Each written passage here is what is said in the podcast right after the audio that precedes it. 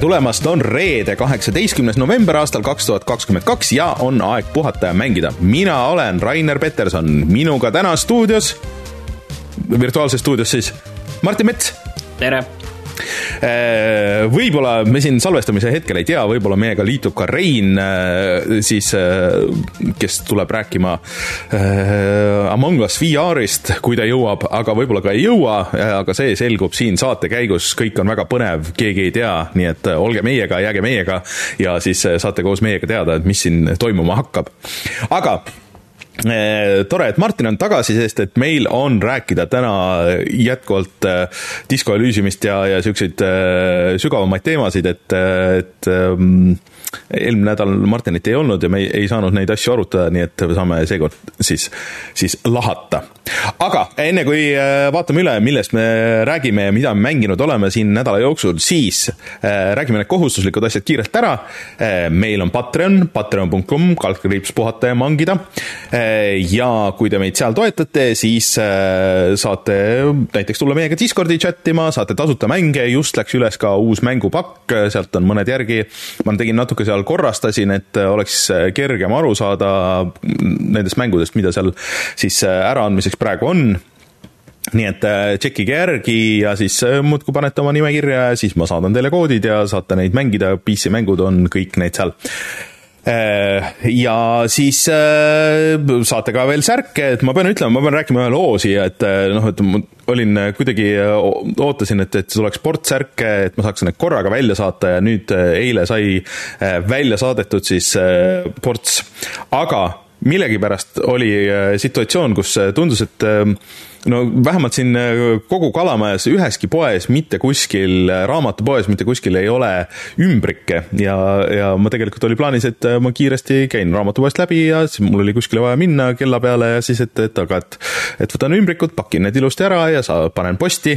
Ja siis ei olnud. Ja siis ma pidin jooksma Viru keskusesse, mis oli kõige lähem koht, kus kindla peale on raamatu või see kirjatarvete pood, ostsin ümbrikud. Ja siis kõige lähem koht, kus saata, on siis seal Viru keskuse all buss bussiterminalis on need pakiautomaadid, aga seal ei ole kuskile toetada, siis ma ühe käega hoidsin, üritasin hoida neid, neid äh, kuidagi neid ümbrikke ja siis äh, kõiki mingisugust äh, viite tükki korraga ja siis teise käega kuidagi pakkida neid, neid äh, äh, särke sinna sisse ja siis üritada printida ja saata sealt neid automaadist neid klepse ja kõik. ühesõnaga, kui te saate selle särgi ja siis vaatate, et miks see niimoodi pakitud on, siis äh, väga vabandan, aga mul kahjuks ei olnud muud võimalust antud hetkel, sest et kuidagi kuidagi läks äh, niimoodi pahasti. Äh, aga äh, visake see korra pesumasinasse ja siis see kuivab ilusaks ja nii edasi, et vähemalt need särgid on väljas. aga siis teate seda lugu, vähemalt seda tausta, miks need särgid sellised on. ja siis otse loomulikult loeme ka ette kõik siis meie suurtoetajate nimed siin. Taavi, jutlustaja X, Failissi, GameCAN, Randroid, Kalevus ja Martin Mõttus, suur tänu teile ja otse loomulikult ka kõikidele teistele siis, äh, kes meid äh, toetavad või on toetanud. Ja siis äh, kui te meid seal toetate, siis saate ka oma nime meie Youtube'i videote lõppu, et äh, mitte ainult siis suurtoetajad, vaid ka kõik teised, nii et äh, tšekkige järgi kõikides meie Youtube'i videotes, siis näete, kes meid on toetanud selle. sest ilma teieta oleks saadet väga raske teha. ja siis tuletan veel meelde, et meil on plaanis aasta lõpul live, kakskümmend kaheksa detsember, võime öelda, et see saab toimuma ilmselt siis heldekeses ja ka need äh, kohad on väga piiratud äh, ja, ja eelisjärjekorras äh, läheb meie Patreoni toetajatele, nii et info selle kohta loodetavasti peaks jõudma siis väga varsti, et kuidas saab lunastada pileti ja mis seal täpselt toimuma hakkab, nii et tšekkige kõiki neid kanaleid ja siis, rääkides meie Youtube'i kanalist, siis sinna sai sellel nädalal video sellest, kuidas me Steniga mängime Sonic Frontiersi, millest ma võib-olla natuke veel räägin täna. minge vaadake seda see on nelikümmend minutit pikk ja seal saab päris hästi selgeks, ma arvan, et äh, miks see mäng meile mõnes mõttes meeldib, mõnes mõttes ei meeldi, Stenile see absoluutselt ei meeldinud, äh, talle meeldis see vähem kui mulle, aga ta on vahepeal jõudnud selle teha täpselt nagu täiesti saja protsendi peale ära, ehk siis et kõik missioonid, kõik asjad, kõik achievement'id, et kahekümne viie tunniga jõudis ta sinnamaale, aga talle see mäng üldse ei meeldi. nii et minge tšekkige videot ja siis saate teada täpselt, miks. vot, aga Martin, mis siis teised teemad meil on täna? täna räägin, mina räägin natuke edasi God of War Ragnarokist ja siis tegelikult räägin Tonekeeperist. ja, ja sinul oli äh, sinul oli ka päris mitu mängu, ma tean, et see Sooniku mäng oli sul ja Vampire Survivors ja siis tahtsid väga vanadest mängudest rääkida. jaa, ma proovisin seda Atari viiskümmend kogumikku ja ma arvan, et see on asi, mida Martin, sina võiksid ka proovida, aga miks, sellest ma räägin siis äh, natuke hiljem siin saates. ma saan aru, et sa äh, viitasid, viitasid mu vanusele ilmselt, aga noh, see selleks. jah, põhimõtteliselt küll jah, sa oled meist kõige vanem, nii et sina peaksid muidugi seda mängima. aga äh, siis tuleme kohe tagasi ja siis räägime siis uudistest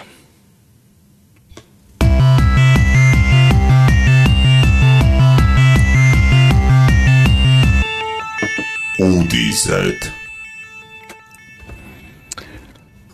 viimasel ajal tuleb vist eh, iga nädal peaaegu teateid eh, Xiaomi ja, ja Disco Elysiumi kohta ja kõigi nende Äh, äritülide kohta, mis seal käivad, sa nüüd näitad seda lahti lukustatud Ekspressi artiklit. ei, ma, ma tervet ei näita, aga pärast saame kohtu, kohtu, kohtusse lähme veel pärast sellega. no õnneks sa oled Ekspressiga seotud, nii et, et, et loodetavasti natuke halastatakse, kui ma siin veitsa scroll in, aga, aga ja, mitte ja, väga palju kaugemale kui see maksumüür aga okei okay,, see selleks, et tegelikult äh, väga hea lugu, äh, mis enam keskendub tegelikult sellele, sellele ärivaidlusele kogu selle asja ümber ja ilmselt äh, see lugu, mis läheb praegu kõige kaugemale selle asjaga, seal on iseenesest väga huvitav lugu, aga aga võib-olla, mida tegelikult mina sellest asjast välja tooksin, et kui muidu meil on selline tunne, et, et vaidlus käib selle üle, et et Disco Elysiumi järg, Disco Elysiumi intellektuaalomand, kes seda kontrollib, mis sellest saab. siis tegelikult seal artiklis tuuakse välja väga oluline point, point see, et äh, arvestades, kuidas siin Microsoft ja Sony, aga ka Tencent on äh, arendajaid ära ostnud, siis kindlasti oli ka Soom üsna selline koos Disco Elysiumiga üsna selline magus äh,, magus pala nendele samadele väga suurtele ettevõtetele ja, ja ütleme, et kui muidu jääb mulje, et meil noh, käib, käibki vaidlus selle Disco Elysiumist saadud tulu üle, siis, siis see paneb natuke teise sellisesse valgusesse kogu selle asja, et võib-olla käib ikkagi vaidlus selle, selle ettevõtte müügi üle tegelikult.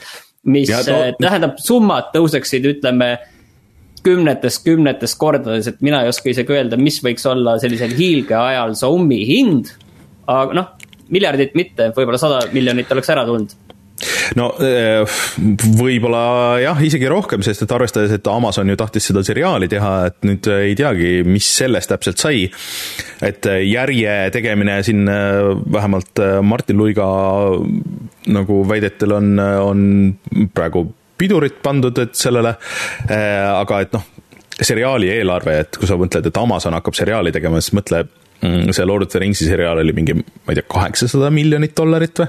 et okei okay,, et see ei ole, pruugi võib-olla sama klass olla, aga, aga ikka noh, kümned, kümned, kui mitte sajad miljonid, on ju, on, on mängus ju puhtalt selle pealt ja nende õiguste pealt, aga oota, ma tahtsin ühte asja veel öelda selle koha pealt, et, et miks, miks väidetavalt see müük ei täpsustata kellele, aga täpsustatakse, et Microsofti ja Tencenti masti Äh, väga suurele tegijale, et miks see müük äh, ei õnnestunud. see, et see müük ei õnnestunud seetõttu, et äh, mm, kuigi Robert Kurvitsa firmale ei kuulu selles ettevõttes eriti suur osalus, mis mm -hmm. ei luba selliseid igapäevaotsuseid, ei luba teha, siis see ostja äh, tahtis saada ka intellektuaalomandi autori nõusolekut sellele asjale et intellektuaalomand iseenesest see kuulub äh, jah äh, Xiaomi'le või isegi tegelikult selle Xiaomi äh, mm, Suurbritannia firma all on need intellektuaalomand, mis omakorda peaks kuuluma mm, siis sellele Eesti firmale. aga seal on oluline see, et, et Robert Kurvits ei olnud sellega nõus väidetavalt mistõttu see müük kukkus läbi, et tegelikult jah, kellelgi jäid ilmselt sajad miljonid saamata. pluss, äh, aga samas teisest küljest äh, Robert ise on äh, ka väga halvas seisus, sest et noh, talle kuulub, oota, kuidas see oli, et et tal on küll autori omand, on ju, aga tal ei ole neid neid teisi õigusi, ühesõnaga, et ta ei saa ka nagu ise hakata tegema kellegi teisega uut Disco Elysiumi maailma äh, mingisugust äh, asja, nii et, et, et. no kaubamärk, kaubamärk nii-öelda ja, ja kogu see intellektuaalomand, mis on loodud, see, see jah, kuulub ettevõttele et äh, see on nagu keeruline situatsioon, kus äh, kõigil on halvasti nagu natuke, et äh, eks mõlemal poolel ilmselt on huvi see nüüd kuidagi ära lahendada kuskile poole, aga, aga nagu me siin eelmine nädal pakkusime, siis eks siuksed asjad lähevad ju, võtavad ikka aega ja see ilmselt suure tõenäosusega võtab aastaid, aastaid protsessimist ja, ja. ja, ja see no, ettevõtte väärtus isegi on nüüd kukkunud kindlasti väga palju, arvestades sellist mm -hmm. üldist majanduskeskkonda, pluss seda, et kui ikkagi ettevõttes on sisemised tülid, siis eh, noh, selle eest ei maksta nii palju, võib-olla ei taheta enam üldse osta. jah, et kes tahab eh, tegeleda selle, selle jampsiga nagu seal vahel või olla seal kuidagi seal keskmes aga neid uudiseid igal tuleb veel, sellepärast et Eestis on siin eh, novembri lõpus sellega seoses on üks kohtuistung ja, ja neid, neid uudiseid hakkab siit tulema veel. et mm. iseenesest jah, need asjad on seal ikka väga hapuks läinud. soovitan kindlasti lugeda seda Ekspressi Ekspressi artiklit, et ma ütleks, et see on isegi põhjalikum kui äh, see eelmise nädala oma, et, et nad lähevad ikka väga sügavuti sellele. et kui võib-olla isegi nagu meie jaoks vähemalt nii palju uut infot ei, ei ole, siis äh, natuke selgemaks ikkagi teeb seda kõike see sellegipoolest vot. nii, aga, aga räägime siis sellest, et äh, väidetavalt tuleb Blizzard Hiinast ära mina vaatasin, et Activision Blizzardi äh, mm, aktsiahind selle peale eriti ei kukkunud see oli jah äh, huvitav, et kes siis ei tea, siis äh, Hiinas käivad asjad niimoodi, et ega nagu iga firma ei saa minna lihtsalt, et võtan, tahan hakata oma mängu Hiinas müüma, et siis lihtsalt lähed, teed sinna koha peale mingi office'i ja hakkad seda tegema. sul peab olema siis litsents, mingi spetsiaalne litsents Hiina siis valitsuse poolt, seda üldiselt välismaa firmadele ei anta, ehk siis see tähendab seda, et sul peab olema kohalik partner ja Blizzardil oli äh, selleks NetEase ja sa pead Aga... sinna kohalikust partnerist tegelikult, kui sa teed selle keha, siis sa pead äh, sinna ka äh, ühe kohaliku inimese vähemalt juhatusse võtma, kui ma ei eksi, siis oli ka selline reegel. jah, et seal on mingi päris keeruline süsteem, et, et kuidas seda kõike saada. aga siis Blizzard ise saatis välja pressiteate, kus nad ütlevad, et Nad küll üritasid, aga nad ei saanud NetEasy'ga jutule, seega siis äh, kahekümne kolmandast jaanuarist äh, äh, lõpeb põhimõtteliselt kõigi Blizzardi asjade tugi ja, ja siis mänguvõimalus Hiinas, noh näiteks siis muidugi World of Warcraft, Hearthstone, Warcraft kolm Reforged, Starcraft, Diablo kolm, Diablo, mis see mobiili Diablo oli? Äh, Immortal. Immortal, mis pidi Hiinas megapopp olema ju algusest oota, ei, ei, seda sa nüüd, Immortal on seal edasi. Immortaliga on, on era-, jaa, Immortaliga on Aa, eraldi diil ja eraldi okay. ettevõtte alt on see, et Immortal on ainus asi, mis Aa. ei käi selle alla äkki sellepärast neil ongi riid nagu seal või, või see oli nagu kuidagi seal vahel väga huvitav ah,, nojah, seda ju tegi see Hiina firma, eks ole. jah, jah, aga võib-olla vaata, tõmbaks selle asja nagu laiemaks, et okei okay,, et eh, mis meil siis sellest on ju, et, eh, et Blizzardi asju Hiinas ei saa müüa, et eh, kümme aastat tagasi neid ka ei saanud müüa, viisteist aastat tagasi, et noh, mis siis ikka, on ju. tegelikult võib-olla on see asi natuke laiem, et kui me vaatame sedasama, mis üldiselt tehnoloogiasektoris toimub mm, -hmm. siis meil toimub ju hullumeelne koondamiste laine tegelikult ju mm -hmm. on, et noh, alustades siin Facebooki, Google'i, Microsoftiga. et kõik need suured on ju tegelikult, siis äh, mänguarendajad on siiani kogu sellest asjast isegi üllataval kombel äh, kombel nagu täiesti, täiesti puutumata jäänud ja pigem mulle tundub, et see asi nüüd varsti hakkab tulema. ja täpselt sellised uudised on need, et äh, kuskohast äh, lihtsalt juhtub see, et, et mingitele inimestele ei ole enam tööd pakkuda mm. -hmm. no see võib ka olla osa sellest, eh, vaata, et eh, Microsoft neid suurema või suure tõenäosusega ära ostab, on ju et eh, võib-olla NetEase ei tahtnud Microsoftiga või Hiina valitsus ei tahtnud Microsoftiga sellisel, sellises võtmes koostööd teha. see on et, ka võimalik, aga, aga samas, samas ei tea, see asi aga, võib tulla ka teiselt poolt, Microsofti poolt, ei saa välistada. aga kõik, jaa, tõsi, et aga kõige huvitavam või noh, kommentaar, mis oli nagu nali, aga võib-olla ei olnud ka nagu nii väga nali, et ahah, et see siis on see, et miks Overwatch kahe äh, skin'id nüüd äh, otse nagu raha maksavad, et mitte sa ei saa neid mängus välja teenida. et, et see on nagu nali, aga võib-olla kübeke tõtt ka nagu seal, et miks otsitakse teisi rahavooge. et Overwatch vist oli Hiinas ka päris populaarne, kui ma õigesti mäletan, mingite aastate tagant et äh, Hiina turg on suur ja meie nagu seda isegi nagu ei hooma võib-olla lõpuni siin, et kui palju raha seal liigub. et äh, ega see ilmselt võib-olla lihtne asi ei ole nende jaoks äh, isegi sihukese suurusega nagu Blizzard äh, kui me siin Microsofti juba servast puudutasime, siis räägime, räägime selle asja ka ära, mida ma olin täiesti üldse unustanud, et tegelikult, et see oli töös ja välja lubatud, kuigi seda vist kunagi otseselt ei näidatud, ehk siis see Xbox'i väike striimi äh, karp, mis pidi olema selline odav äh, pilve Xbox, äh, noh maksab mm -hmm. umbes sada eurot, nagu need striimimiskarbid on, aga lihtsalt mm -hmm. Xbox'i enda oma, seal saad kasutada seda Xbox'i mm, enda, enda pilveteenust. ja, ja nüüd on siis selge, et see välja ei tule. Microsoft ise ütles, et, et see asi oli nendeks lihtsalt liiga kallis jah, et äh, Phil Spencer äh, ütles, et äh, isiklikult, et, et nad praegu panid selle igatahes pausile, sest et äh, nende idee oli, et see koos puldiga peaks maksma sada kuni sada kakskümmend üheksa dollarit, mis minu meelest on äh, õige sest et sellest kallimalt äh, stream'i boksi ma arvan, et on ikka väga raske müüa äh,. aga kui sa võtad, et puldid ise praegu maksavad seitsekümmend äh, eurot äh, kõige see tavaline, tavalisem Xbox'i pult, siis eh, noh, üritada sinna kahekümne euro sisse mahutada ka see terve see ülejäänud boks, noh, võib-olla nagu keeruline. Oota, aga, aga räägi nüüd mulle seda, et eh, Xbox Series S-i või Series X-i või siis kasvõi PlayStation viite saadakse müüa küll ju sada kaks eurot, sada või kakssada eurot kallimalt, kui on äh, või odavamalt, kui on nende selline tegelik väärtus, et mis, miks siis seda karpi ei saa? ma arvan, et äh, see on ikkagi neile nii äh, vähetähtis, et äh, või et, et, et see on ikkagi nagu toetav asi, et ma arvan, et nad ei taha sellele peale maksta, et ma arvan, et, et selle sihtgrupp on see seltskond, et kellel on põhimõtteliselt Xbox juba olemas, aga neil on vaja kas, ma ei tea, teisele korrusele või, või mingisse teise tuppa või, või kuskile sinna saada mingi teine boks. Ja kes oleks nagu natuke nõus maksma, aga mitte seda, et nad maksavad, ma ei tea, kaks sotti, kolm sotti, et et äh, mina isegi leian, et see on võib-olla õige otsus, sest et äh, noh, kõik need äh, teised niisugused riistvaralised lahendused, lahendused, et noh, vaata see Logitechi see äh, ka nagu pilveteenuse masin tuli ju välja ja siis kõigi lihtsalt kommentaar oli see, et noh, muidu väga tore, aga see on way liiga kallis.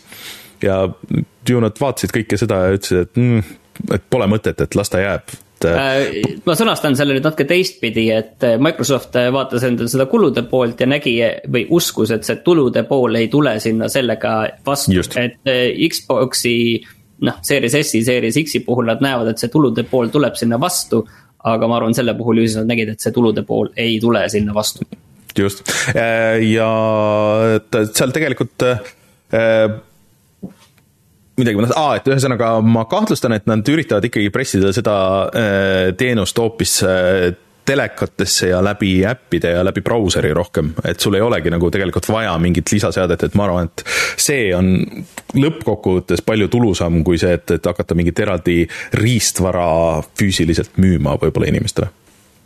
Mm. -hmm ei, ma ei tea, kiirelt lihtsalt äh, mainiks selle ära, et see Baldur's Gate kolm, see tuleb nüüd selle, selle, see üks punkt null versioon tuleb välja detsembris, lihtsalt ja. sellega on nüüd paigas et äh, Rein seda meil mängis, meil on isegi väike sihuke seeria, kus nad Joosepiga mängivad seda. Äh, ja nad kohe seal päris alguses, kui see alguses Early Access'i tuli, äh, seda üks, üksjagu siis koos läbisid, aga ütlesid, et lähme edasi siis, kui see on päriselt valmis ja tundub, et nüüd see siis on et, äh, et seal vist praegu on esimene peatükk, aga siis äh, kui ma õigesti aru saan, siis järgmine aasta tulevad ka teine ja kolmas peatükk või? midagi sihukest mm,. jah, ja ilmselt suure üllatusena ei tule kellelegi, et Dead Island kaks lükati uuesti edasi, et ta pidi, ma nüüd võin eksida, aga. aga minu arust ta pidi ilmuma nüüd äh, viimase info kohaselt jaanuaris. Ja, ja lihtsalt ma mäletan, et ma ütlesin siis, et tead, me ei räägi sellest enne midagi rohkem, kui, kui on selge, et see on väljas, aga nüüd me räägime, et jah, et see lükati veel kolm kuud edasi, et nüüd on siis kakskümmend kaheksa aprill äh, selle kuupäevaks, et noh, ütleme niiviisi, et mürki selle peale ei võtaks. Mäng, mida on viis aastat juba edasi lükatud kogu aeg. Äh, ja üks äh, väike kiire asi siia, et äh, Control kaks on nüüd ametlikult tegemises, ähm, siis Remedi ütles, et, et nad arendavad, millal see muidugi välja tuleb, siis ei tea, aga, aga nad ütlesid, et et see on kõige põnevam asi, mida nad üldse kunagi teinud on, mis on cool ja ma arvan, et sellel on väga palju potentsiaali, ma ei mäleta, Martin, kas sina mängisid Controlli ju? ei mänginud. Et ma tegin Controlli läbi ja mulle hullult see maailm meeldis, mulle väga ei meeldinud selle mängitavus, et mulle tundus, et see oli nagu veits rabe ja toores, kuigi ta oli kahtlemata Remedi kõige paremini mängitav mäng nendest kõigist nendest viimastest, mis nad teinud on. aga äh, ma arvan, sealsamas maailmas saaks rääkida palju ägedamaid ja tuusemaid lugusid ja, ja saaks olla ka kindlasti paremini mängitavad, nii et äh, mina olen põnevil. Mulle see suures plaanis ikkagi tagant, tagantjärgi vaadates ikkagi nagu jättis pigem positiivse mälestuse siis on meil üks äh, väga oluline konsolideerimise uudis, et äh, mis ilmselt puudutab äh, kõige rohkem neid mänge, mida sina mängid, ehk siis Saints Road ja Borderlandsi. jah, et kes siis on vaadanud meie Saints Row videot, siis teavad, et Saints Row oli ikka parasjagu läbikukkumine nii siis mänguna kui ka üleüldiselt müügi poole pealt ja siis Embracer Grupi jaoks see oli ikkagi ikka nagu väga suur vist äh, pettumus, et nad olid ikka päris kõvasti vist panustanud sellele selle aasta lõpus.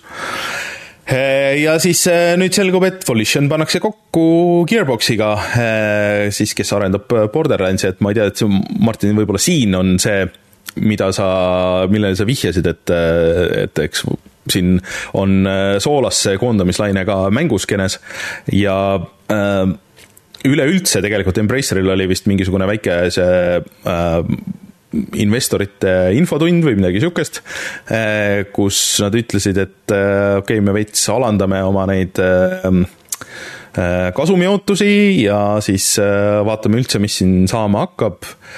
Nad ju siis mäletamist mööda ostsid kokku täiesti valimatult väga imelikke stuudioid väga palju ja meie. see ka üks äh, stuudio Eestist, äh, mille nime ma kunagi ei mäleta, aga nad ostsid selle ka ära. aga see oli vist selline mm, mobiilikates, mis, ma võib-olla teen liiga, aga, aga jah, et üldiselt üsnagi vähetuntud äh, stuudio et, et ühesõnaga see kõik oli nagu natuke imelik ja et meie kõigi küsimus oli see, et mis nende see endgame nagu on, et kuhu nad jõuda tahavad, et kas neil on lõputult raha või et, et noh, et ei tea ju üldse nagu, et mis mänge nagu arendatakse või et, et, et kuidas see kõik on. ja mulle tundub, et siin on nagu natuke tagajärjed, et võib-olla nad olidki natuke liiga entusiastlikud selle kõige juures, et äh, ma siin üritan leida, et kuskil oli äh, mitu mängu nad plaanivad veel siin kuni aastani kaks tuhat kakskümmend kuus äh, välja anda ja seda oli päris palju. ma vahepeal äh, ütlen sulle, et selle Eesti stuudio nimi oli siis Fractured Byte äh, mis üldiselt tegelikult Eestis vist tehakse suhteliselt vähe. Äh, kui ma nüüd ei jälle segamini aja midagi, siis minu meelest nendel olid kolm allstuudiot äh, Ukrainas tegelikult mm. ja et okay. mis nendega toimub, tegelikult see oleks nagu huvitav teada, aga ma küsin su käest äh, seda numbrit, et kas sa tead, mitu mängustuudiot kuulub äh, äh Embracerile? oi issand. no lihtsalt paku suurusjärk ära täpselt ütle. no ma ütleks kakskümmend viis äkki või?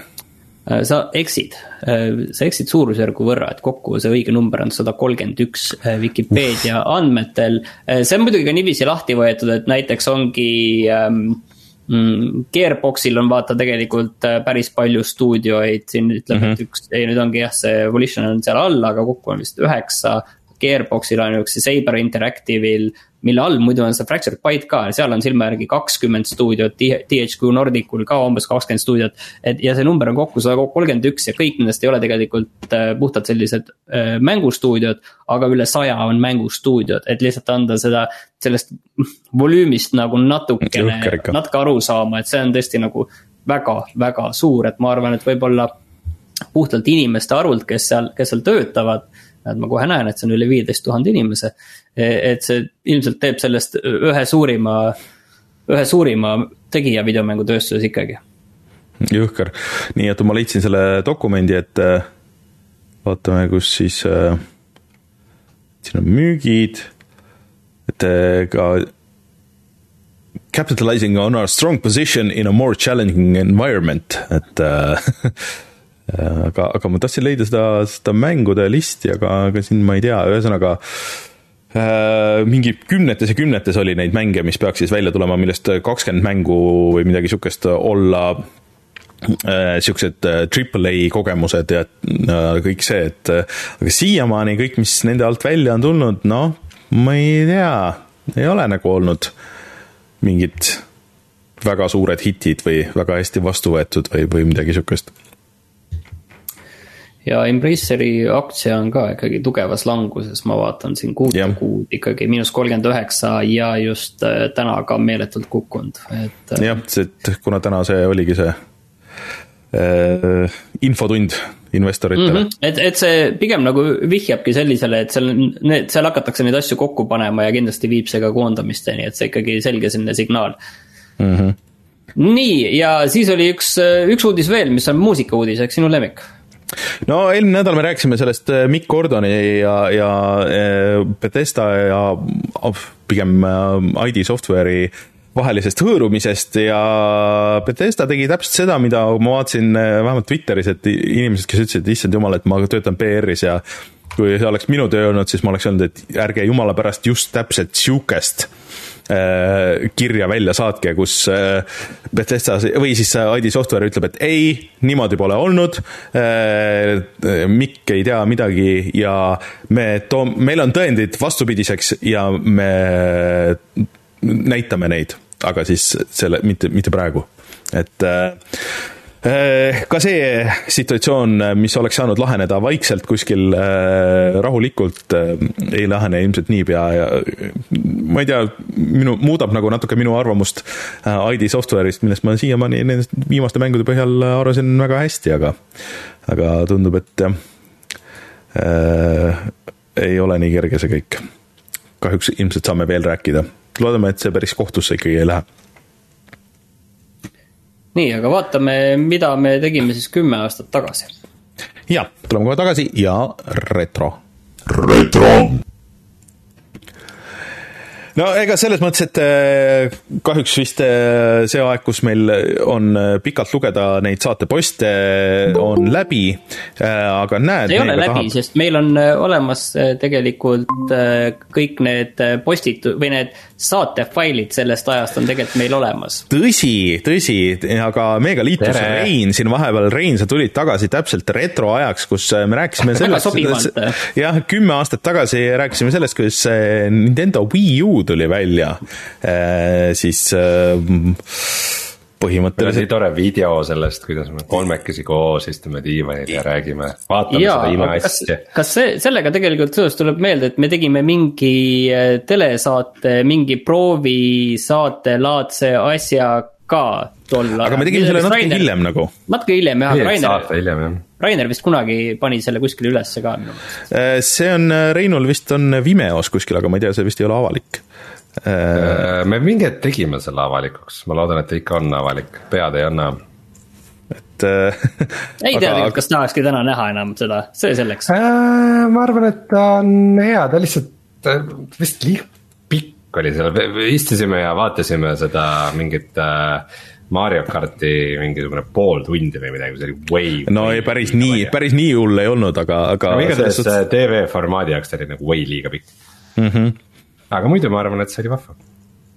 kahju, et äh, saateks ei läinud äh, aga siis sa vaat-, mängisid vist edasi äh, Call of Duty't ka, mulle tundub.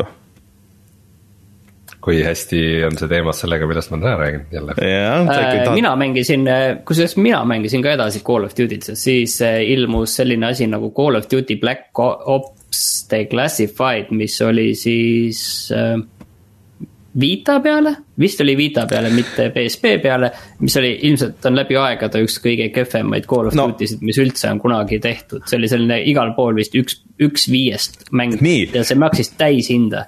ma leidsin saate faili ka üles, et äh, siin jah äh, oleme rääkinud ka sellest, et äh, Mirror's Edge kaks võib-olla on tulemas, siis rääkisime, kuidas äh, Kreekas äh, olid ikka need Arma arendajad olid vangis, eh, kui mäletate seda lugu, et tegid eh, vist sõjaväebaasides või tankides tegid pilte, mida nad poleks pidanud tegema ja siis, eh, siis nad istusid päris tükk aega kinni. Ja siis, et väidetavalt Tom Hardy hakkab Splinter Celli mängudes Sam Fisherit mängima, mis natuke sobib ka hästi tänasesse, sest et äh, Ubisoft just äh, launch'is mingisuguse Splinter Celli kahekümnenda aastapäeva mingisuguse kampaania ja selle raames vist tegelikult jagab Splinter Celli mingisugust äh, ära ka oma selles launcher'is. Ja me rääkisime ka veel e-spordist ja, ja Starcrafti, Starcraft kahe e-spordist, et kuidas keegi sai sada tuhat dollarit tervenesti Starcraft kahe turniiri võidu eest. Et see tundub sihuke naljakas summa, vaadates neid tänapäeva miljoneid, mis sa võita saad. ja siis Martin on rääkinud ka Vita uuest firmware'ist äh,. väga põnevalt kõlab see, võib-olla peaksime siinkohal joone alla tõmbama jah, ja mina mängisin Hitman Contract'i, ühesõnaga jah äh, ikkagi aina rohkem, et mida järjest või mida, mida kauem me seda kümne aasta taguseid uudiseid vaatame, seda, seda rohkem on aru saada, et mitte midagi ei ole kümne aastaga muutunud. Hitman Contracts või? Kas see tähendab Absolution, seda, et Absolution ei, Contracts, ma, ma ilmselt mängisin äh, lihtsalt, võtsin uuesti ette selle no. Contractsi, see on, see on nii-öelda see kolmas Hitman, mis on selle esimese nagu justkui remake või niimoodi. kas see tähendab seda, et see viimased äh, need kolm uut Hitmani on mahtunud kümne aasta sisse või? see on ikka päris. ei, äh, kaks tuhat kuusteist oli see esimene.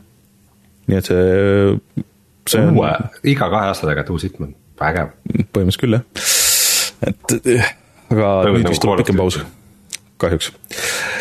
Äh, vot, jah aga äh, ma tahtsin korraks rääkida, rääkisime vanadest asjadest, rääkisime uut, äh, räägime uutest asjadest ka, et siis, kui kuulate audioversiooni, siis tegelikult on mitu uut asja tulemas, et mina olen suhteliselt, suhteliselt põnevil sellest äh, Spider-man Miles Moralesest, mis jõuab nüüd PC peale täna reedel äh,. see on natuke allahinnatud ka, see on mingi äh, kas viiekümne euroga või midagi sihukest, et äh, ma ei tea, Rein, võib-olla see on see mäng, mis sulle meeldiks rohkem, sest et seal on vähem seda fillerit, rohkem killerit, seesama suur linn, aga sa ei pea kõiki neid ebamugavaid ja tüütuid kõrvalmissioone vist nii palju tegema ja vähem, ja see viimane PC versioon oli ju väga hea ja see oli tehniliselt juba konsooli peal tegelikult veits ägedam, nii et ma järgmiseks nädalaks üritan selle kindlasti ära proovida, mind see väga huvitab. Ja noh, loomulikult see oli ainult siis soojendus äh, sellele, et äh, täna tuleb välja Code Simulator kolm. Äh, keegi ütles, et kas sellepärast siis tõesti on Epiku mängupood maas aga vist, vist päris mitte. ja oota, midagi oli veel täna tulemas või enne seda ah,, uus Pokemon tuleb välja, aga seda ma, seekord ma olen nii palju tark, et ma ei hakka üldse proovima, et mulle viimane enam-vähem nagu meeldis, aga aga noh, ei ole nagu päris äh,, ma ikka ei. ja Supermassive uus mäng tuleb. aa no,, jaa. see, see on see uus osa selles. Devil in me. jah. jah. Äh, ja midagi, midagi oli veel, mingisugune suurem asi oli veel, äh, aga mul kohe nüüd ei tule ette no,. Warzone tuli, Warzone tuli veel ja siis äh, ah,, Evil West on see, millest on väga palju räägitud, ma pole sada protsenti aru saanud, et äh, mis mänguga tegu on. no Warzone, äh, Warzone kaks on küll jah, miski, mida me peame ikkagi mainima kindlasti, aga ma olen ühe korra selle käima pannud, nii et ma räägin sellest, siis kui me räägime sellest, mis me täna mängime täna.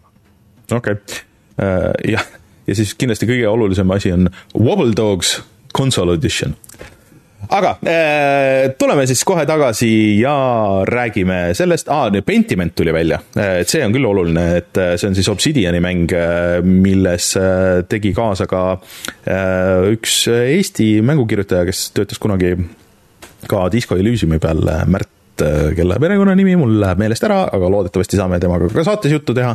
et jah, et kuidas siis käib mängu kirjutamine sellises formaadis ja mitte siis Eesti sihuke indie arendus, aga siukse Obsidianile teha, et see oleks päris huvitav, huvitav teada. vot, aga tuleme siis kohe tagasi ja räägime sellest, mida me mänginud oleme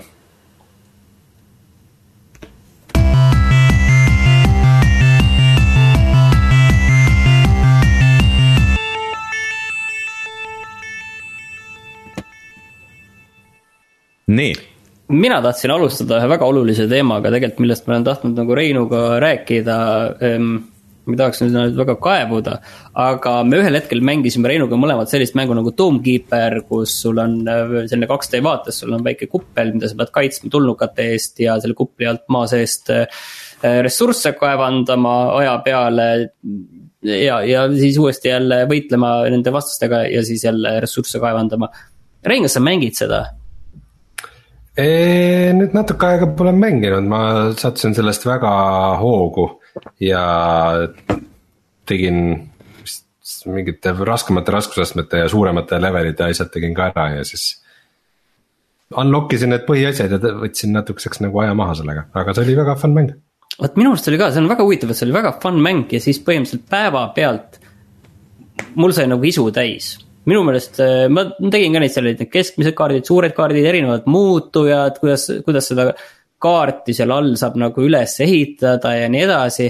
ja siis järsku ühel päeval nagu, vahepeal oli nii, et oi, ainult võtaks selle ette, kui on ainult võimalus ja mängiks seda. ja selline suur hoog oli peal, aga midagi oli, mul nagu hakkasin mõtlema, et midagi on selles asjas nagu valesti, kui sul ongi selline suur hoog ja siis nagu päevapealt nagu selline tunne täpselt nagu isu sai täis, nüüd on nagu kõik et ma ei, seal on veel lahti lukustada asju küll ja küll mul. aga, ja sinna see mingi uus tegelane vist tuleb ka millalgi, ta vist ei olnud veel tulnud. ja, ja, ja lihtsalt selles mõttes nagu huvitav, huvitav asi, et midagi selles pikaajalises luubis nagu, mul tekkis tunne, et midagi on nagu valesti. et äkki ta on ikkagi liiga selline ühetaoline sellena, mis ta on võib-olla ja mulle tegelikult ka veidi jäi kuidagi ikka sihuke early access'i maitse suhu, et äh,. et kuigi ta ei tulnud early access'i mänguna välja, vaid ta, ta, ta on nüüd täitsa valmis mäng. siis nagu mingid asjad või mingid upgrade'id ikka, et noh, et seda veel ei ole, et see coming yeah, soon ja mingid. küll me teeme ja et siis nagu äh,. selles mõttes ikkagi seda variatiivsust ei olnud nagu liiga palju, et need uued asjad, mida sa unlock'id, ongi nagu ainsad asjad ka, mis vahetuvad, et siis yeah. äh, siis äh, veidikene nagu liha jäi kontidel äh, väheks, aga ma loodan, et see mäng areneb edasi ja, ja ma kunagi mängin seda veel. ja, aga okei okay,, räägi siis Warzone kahest.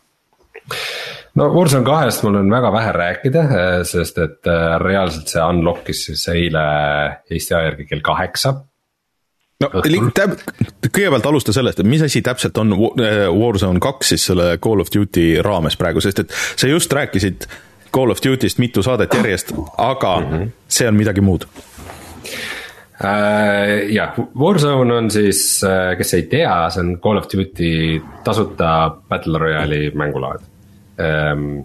et siis äh, sada inimest visatakse kaardile ja üks tiim siis põhimõtteliselt äh, lõpuks jääb alles ja on võitja ja ta tuli välja kolm aastat tagasi koos siis eelmise Call of Duty Modern Warfare'iga. kutsume teda siis Call of Duty Modern Warfare X. Äh, ja nüüd siis kolm aastat hiljem, kui meil tuli välja Call of Duty Modern Warfare kaks. siis tuli välja ikkagi vana hea seitsmekümne eurose üksikmängu kampaania ja mitmikmänguga. ja nüüd siis paar kuud hiljem või noh, kuukene hiljem tuli siis välja Warzone kaks punkt null, mis siis põhimõtteliselt nullib ära kogu varasema Warzone'i, et see on nagu täiesti eraldi mäng, et seda. siis saavad mängida kõike tasuta, aga noh, need, kellel on nagu Warzone kaks ka, et neil on ilmselt nagu mingisugused eelised ja asjad um,. ja see on nüüd äh, esimene Warzone, mis on ka Steamis, mis ähm, nagu mingid täpsed numbrid pole veel kuulutatud, aga ma võin juba öelda, et see on väga edukas mäng, et see on äh, eile oli seda võimatu alla laadida, ta tuli seal üks megasekund ja see oli vist maksimaalne kiirus, millega ta alla laadus äh,. rohkem Call of Duty entusiastidest sõbrad olid väga vihased äh, ja ma vaatasin Steam Charts'ist, et eile õhtul mängis seda korraga üle neljasaja tuhande inimese. nii et ähm, kui see siin number veel kasvab, siis, siis peagi ta on seal Steam'i enim mängitud mängude top'is ka ja noh, me ei tea veel, kui palju inimesi mängib seda ka arvuti peal ilma Steam'ita, pluss siis veel konsoolil no hetkel näitab, et äh, tänane piik on olnud nelisada viiskümmend kaks tuhat mängijat ja hetkel on kolmsada viiskümmend üheksa tuhat mängijat. ei, sorry, vabandust, see on äh, Modern Warfare kaks, aga kas see käib siis nagu sinna alla või? vaat see on nüüd see kummaline asi, et äh, hoolimata sellest, et ta on nagu eraldi mäng, siis ta, ta on nagu neile, kes ostsid Modern Warfare kahe, on ta nagu lihtsalt selle sees üks mängulaad okay. et eile, eile oli see, et kuna ta nagu update'is äh, hi, hiigelpika aja, ega sel ajal ma ei saanud mängida nagu tavalist Call of Duty. see on seesama mm. mäng, mis update ib nende jaoks. see on kõik väga, väga weird ja selle, sellega on tekkinud ka mingisugust segadust, et inimesed ei leia seda üles ja Äh, inimesed, kes on selle ostnud, ei saa seda installida, sest et ta kuskilt salaja installib ennast ise ilma sulle ütlemata ja. sa ei saa eraldi installida ainult Warzone'i, sa pead nagu installima sellega, ühesõnaga. Äh, sellega on äh, nagu nõks segadust.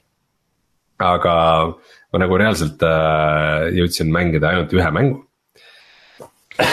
ja selle järgi ühes mõttes tundus see nagu Warzone ikka, aga samas tundus ka päris lahe, et äh, et seda uusi relvi ja seda nagu variatiivsust ikkagi äh, on seal ka. mis mind üllatas, on see, et äh, TTK ehk siis time to kill on äh, päris madal. et muidu noh, arvaks, et kui see on selline mäng, kus, kus su surmaga põhimõtteliselt mäng lõpeb, et siis ta on nagu veidi vähem kui tavalises Call of Duty's, aga tundub sama pikk Äh, et äh, keegi tuleb ja jookseb ja laseb sulle trõtt ja ongi mäng läbi. et täpselt nii oligi, minu, minu esimene ja ainus kill oli ka selline, et ma kükitasin kuskil äh, lifti šahtis ja kuulsin kellegi samme ja keegi hüppas mulle näo ette ja ma tegin! Ja siis ta kukkus surnult maha ja ma ei, ei jõudnud nagu veel sihtima hakatagi. aga oota, aga muidu. ma ise surin ka samamoodi see on vist üks teema, millest me nagu väga nagu ei olegi pikemalt rääkinud ja võib-olla, võib-olla praegu ei peakski, võib-olla mõne teise saate teema, aga. aga see time to kill, et sellest äh,. ega me väga ei ole rääkinudki tegelikult, et siin aja jooksul on olnud ju erinevad, kui me räägime just äh, FPS-idest või siis äh, Gears of War tüüpi mängudest. Siis äh, vanasti oli see time to kill äh, väga, väga pikk, eriti konsoolidel mm ja siis just öeldi, et noh, selle Call of Duty tulekuga, et siis muutus kõik see time to kill nii lühikeseks. ja, ja noh, siis olid muidugi mingid mängud, kus on see time to kill on nagu selline mm, eriti lühike. nagu CS-GO, Arma, eh, kus on noh, üks, üks, üks kuul õiges kohas ja kõik ja see ei pea olema mingi hardcore snaiper kõige kõige, kõige karim relv, vaid enamikest relvadest üks kuul. aga siis teises, teises otsas on mängud nagu Pupp, kus äh, võib-olla läheb kakskümmend minutit, enne kui sa ühtegi lasku isegi näed kuskil toimumas. ei räägi sellest, me räägime sellest, et äh, noh, mitu kuuli äh, pihta saada, et selles ah, mõttes. sa mõtlesid nagu niipidi, okei okay.. jah, jah, et selles mõttes, et kui pikk see tulevahetus on, mille jooksul sa surma saad, et mitu kuuli sa võid okay. sisse saada. noh, sisuliselt, sisuliselt see näitab seda, et kui palju sul üldse on eksimisruumi selles mängus, et. et see nagu näitab seda, et mida väiksem see time to kill on, on ju, seda läbimõeldud iga sinu liigutus äh, peab äh, olema mm -hmm.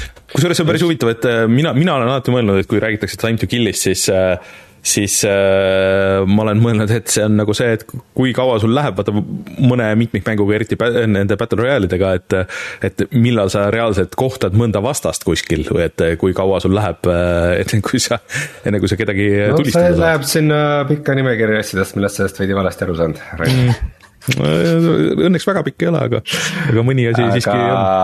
Äh, muidugi äh, see ei lähe nüüd sellesse teemasse, aga et äh, siinkohal pean ära mainima ka seda, et minu. Call of Duty Modern Warfare kahe tase on nüüd siis see, et esimest korda vist Call of Duty mängus mul on kuldne relv mida, mida, mida see tegelikult näitab seda, et äh, seda äh, Modern Warfare kahes ei ole väga raske saavutada. Aga, aga see on olemas, aga muidugi jah, äh, selle time to kill'i osas veel nagu lisainfoks on see, et kuna mängisin soolos siis vaata muidu on see, et nendes battle royale ides, kui keegi sind tapab, siis sa kukud pikali. ja siis tiimiga sul on veel võimalus, et kas mingi self revive osta, et nagu ennast ise püsti ajada või et tiimikaaslane ajab su püsti. et siin on tegelikult nagu suur vahe, et aga, aga jah, ma igatahes imestasin, et isegi nagu armorid ka sõdur nagu ikkagi kukkus väga kiiresti tulistamises pikali. aga, aga kuidas see süsteem on, et kui sa, et sa nüüd oled seda Modern Warfare mänginud, Modern Warfare kahte, siis et, et kõik need äh, asjad, mis sa seal oled lahti lukustanud, need sa saad siis äh, tuua ka Warzone kahte üle või? Uh, mitte päris, põhimõtteliselt uh, nagu Battle Royale'is ikka on see, et sa saad um, sa, sa kasutad neid relvi, mis sa ise leiad, eks, et sul on kaardi peal mingisugused chest'id ja seal on mingisugused eh, ette valmistatud eh, relvad. et noh, sa ise ei vali, et mis sihikut sa paned, vaid sul on snaiper juba tuleb sihikuga ja. ja võib-olla mingi submachine gun tuleb juba mingite, mingite elementidega ja nii edasi. aga ähm, põhimõtteliselt äh, mingitel tingimustel sa saad äh, siis äh, kasutada omaenda loadout'i ja oma loadout'i sa saad siis äh, teha nendest relvadest, mis sa äh, oled äh, unlock inud äh,. millele sa oled piisavalt nagu XP kogunud, et põhimõtteliselt sa saad ka nagu leveldada oma relvi üles äh, Warzone'is. aga mm -hmm. kui sa oled äh, selles tavalises mitmemängus juba oma relvad üles leveldanud, kõik mingisugused. ja noh, paar saadet tagasi ma kirjeldasin, kui pikk ja keeruline on mingisuguse relva leveldamine uues Call of Duty's et selleks, et mingit lasersnaiprit saada, sa pead mingisuguse teise relvaga nagu äh, mängima väga kaua selleks, et järgmist relva üles leveldada, mille peale sa saad selle laseri, mida sa saad panna hoopis mingi teise relva külge, nii et äh, seda nagu Warzone'is leveldada on selle võrra keerulisem. oota, oota, oota, aga, aga sellega sa tahad siis öelda seda, et nendel mängijatel, kellel on see Call of Duty nii-öelda see põhimäng ka olemas, et nendel on tegelikult Battle Royale'is eelis um, no põhimõtteliselt, kui sul on väga palju aega ja sa mängid Warzone'i väga palju, siis sa saad seal need relvad ka üles leveldada. või osta ähm,. seda ma ei teagi, kas sa saad okay. neid nagu niisama osta ka äh,, aga jah, võimalik. aga et see nihukest nagu nagu üks-ühele jõhkrat eelist sul ei ole, sest nagu noh, varases mängus ikka on kõigil ainult need mängud, mida nad leiavad uh,. ma igaks juhuks äh, nagu väikse disclaimer'ina panen juurde, et see süsteem, mida ma kirjeldasin.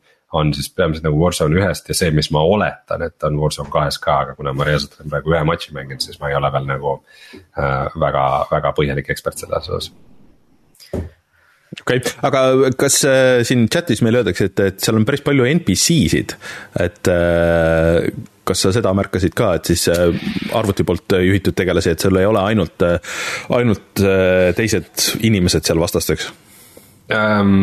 tead, see vist ei ole Warzone'is otseselt, see on mingi ah. üks teine mängulaad, mis tuli ka, mis on DMC, kus on see, et sa Aa, paned okay. mingi suurel kaardil ringi ja seal saad ka tappa mingeid NPC-sid ja ja teha mingeid contract'e selle baasil ja seda mängulaadi ma ei ole veel proovinud, nii et seda ma ei julge kommenteerida. aga üks asi, millest ma muidugi ei ole rääkinud, on see, et äh, kuna äh, Battlefieldi seeria äh, viimased, viimased aastad ei ole ennast äh, väga heast küljest näidanud, siis äh, Call of Duty on otsustanud ka nende lõuna ära süüa äh, juba tegelikult juba mitu mängu, aga nüüd äh, selle äh, Modern Warfare'iga eriti, et seal on siis niuksed suuremahulised ground war'id ka, kus sul on mingisugused suured levelid ja mm., ja tankid ja helikopterid ja. ja igasugused sõidukid ja asjad ja nagu selline sõda on ka. ja seal on ka mm. üks mängulaad, kus sul ka jookseb palju mingisuguseid äh, NPC sõdureid ringi, et sest sa nagu justkui võitled nendega ka Uh, mis on hea viis mingeid relvi üles lihtsalt teed nagu nendele headset'e ja see see, selle eest saad ka vist veidi vähem, aga mingit XP ja asju. et okay., äh, et neid mängulaade on ikka nagu päris mitmesuguseid seal jah. okei okay., iseenesest. Call of Duty on ikka väga suureks monster'iks kasvanud, et see on ikka põhjus, see on nagu põhjus, miks kõik need äh, äh, Activisioni stuudiod ainult Call of Duty kallal töötavad, et see selle mängu mastaap on meeletu hmm.. selles mõttes, et äh, me rääkisime nüüd Warzone'ist äh, väga pikalt, tegelikult Rein, saate alguses sa ei kuulnud, aga me reklaamisime sind välja kui VR-i ja Among Us'i eksperti, äh, millest mm -hmm. sa pidid tulema meid valgustama no Rein on peamiselt metaversi ekspert, seda me ju teame. aa jaa, hakkab pihta ah,. muide, siinkohal paslik ära märkida, et kui te kuulate praegu saadet, siis homme hommikul olen ma vist Vikerraadio huvitaja saates. Oh.. räägin ka metast ja metaversumist see, see on vaata see, et, et tegelikult, tegelikult, tegelikult räägid sa teed väga palju ja väga huvitavaid asju, aga Äh, ainus asi, millest inimesed teada tahavad, on metaverse ma olen kindel, et ajakirjanikel on see mingisugune Exceli tabel, kus iga nime taga on nagu üks sõna ja siis ma arvan, et inimesed ei, et see on, ma mõtlesin selle peale enne just, et see on vist kuidagi nagu niimoodi, et äh, see on nagu äh, kõik mängukonsoolid on äh, Nintendo ja siis kõik VR on Metaverse ja, ja siis kui sa sellest midagi ei tea, siis, siis sulle tundub see kõik väga loogiline. ja kõik arvutimängud on tulistamine, et. kõik mängud on arvutimängud, esiteks, see ja. oli ka muideks selles Ekspressi selles.... telekamängud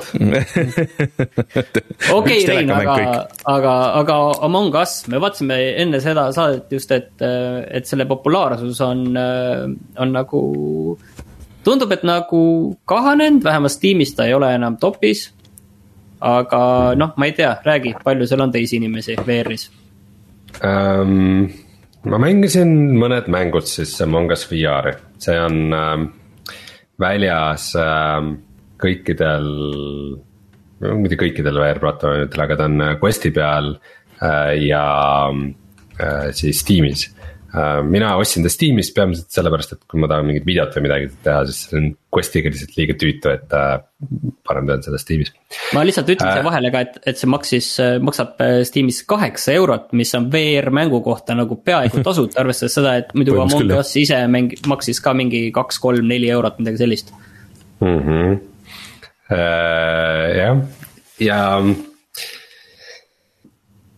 kõige lihtsam Among Us VR-i kirjeldada on see, et äh, ta on nagu Among Us aga virtuaalreaalsuses tänan wow. selle põhjaliku, põhjaliku kirjelduse eest see on küll, no, no mis, aga kirjelda inimestele, kes ei ole kunagi. esiteks, okei okay,, jah, nii. kes ei ole kunagi äh, Among Us'i mänginud, siis äh, paari lausega võta kokku, et, et, et milles see mängitavus seisneb okei okay., Among Us on siis ülipopulaarne mitmikmäng kus äh, pealtvaates muidu ähm, iga mängija keestab ühte skafandrist tegelast, kõik on eri värvi, kokku on äkki mingi kümmekond ühes kosmoselaevas. ja kaks tükki neist on siis äh, tulnukad, imposterid. või üks. ainult teesklevad ja vastavalt kuidagi mängija arvud, ütleme rahvilt, rahvilt, äh, et kümme mängijat, kellest kaks on imposterid. ja siis ähm, imposterite ülesanne on saboteerida laeva Ähm, ülejäänud meeskonnaliikmete ülesanne on teha mingeid väikseid ülesandeid laeval ja siis äh, välja selgitada, kes on need, need äh, petised. Ähm, ja siis aeg-ajalt on koosolekud, äh, originaal Among Us'is on see, et muidu sul text chat'i ei ole, aga siis, kui on koosolek, siis saavad kõik kirjutada, et kes nemad arvavad, et on, on siis paha ja siis võib hääletada ja kõige ebapopulaarsem tegelane visatakse välja ja siis tuleb välja, et kas ta siis oli tegelikult ka imposter või mitte.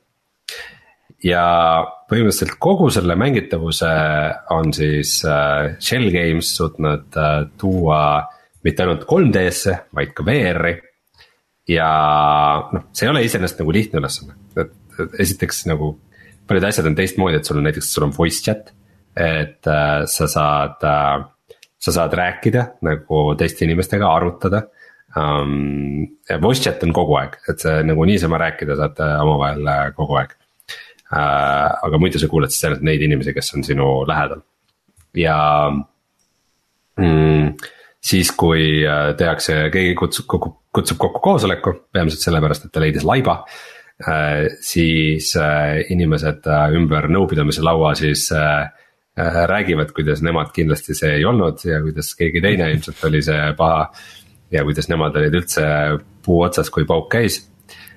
ja siis on hääletamine ja keegi visatakse välja ja nagu kõik need niuksed väiksed nüansid umbes, et. umbes, et see hetk, kui sind visatakse välja et siis sa muutud kummituseks, sa saad ikka teha ülesandeid, aga teised ei kuule sind et sa saad suhelda ainult teiste kummitustega. et muidu sa saaksid ju minna kellegi juurde ja öelda, et, et oranž tappis mu ära. aga, aga sa ei saa, sa saad seda öelda ainult teistele ohvritele, et kuidas nad nii lollid on, miks nad oranži välja ei hääletanud. et, et kogu see nagu sotsiaalne aspekt tegelikult sellest on, on väga hästi edasi toodud ja, ja nagu tõlgitud nii 3D-sse kui VR-i, et selles mõttes see on, see hoolimata sellest, et ta on täiesti teistsugune mäng, sest ta ikkagi on täiesti selle äh, Among Us'i tundega ja selle eest ma annan krediiti aga siin on see asi tegelikult on ju erinev, et, et tavalises Among Us'is sul on pealtvaade ja tegelikult sa näed seda kosmosejaama, kus see tegevus toimub, sa näed rohkem, VR-is sa näed ainult seda, mida sa enda läbi silmade näed, kas see ka kuidagi mõjutab mm,? mõjutab ikka um,, kas see tekitab sihukese vahva nagu klaustrofoobilise tunde ka, et, et nii kui kõik koridoridesse laiali jooksevad, et oo oh,, et hakkame oma ülesandeid tegema, siis. siis ja sa üksi jääd, siis on kohe sihuke oh no. ja sa oled kellegagi, lähme koos, lähme paaris, ärme, ärme lähme üksi sinna, et äh, ja sina valva minu selja tagasi, mina valvan sinu oma. ma just seda selja. nii kaua, kui sa lähed ühte tuppa ja siis tuleb välja, et see teine tüüp oli see aga, aga kui. ei tea, ma lihtsalt tegin ühele tüübile ma vaatan just seda seljatagust, et, et kui mingit ülesannet täidad, siis mõne ülesande puhul tegelikult sul see pilt selleks ajaks lukustatakse Äh, ära, et sa ei näe, mis sul selja taga toimub. et see äh, tundub äh, selline väga ebameeldiv hetk. Ongi, et, äh, et selle, sellega nagu tegelikult on näha, et seal on nagu palju testitud ja läbi mõeldud, et nagu mingid ülesanded on ikka nagu mega lihtsad. nagu noh, üks esimesi ülesandeid on reaalselt selline, et vajuta nuppu ja oota, kuni mingi asi download ib, aga sa ei tohi sealt juurest ära minna.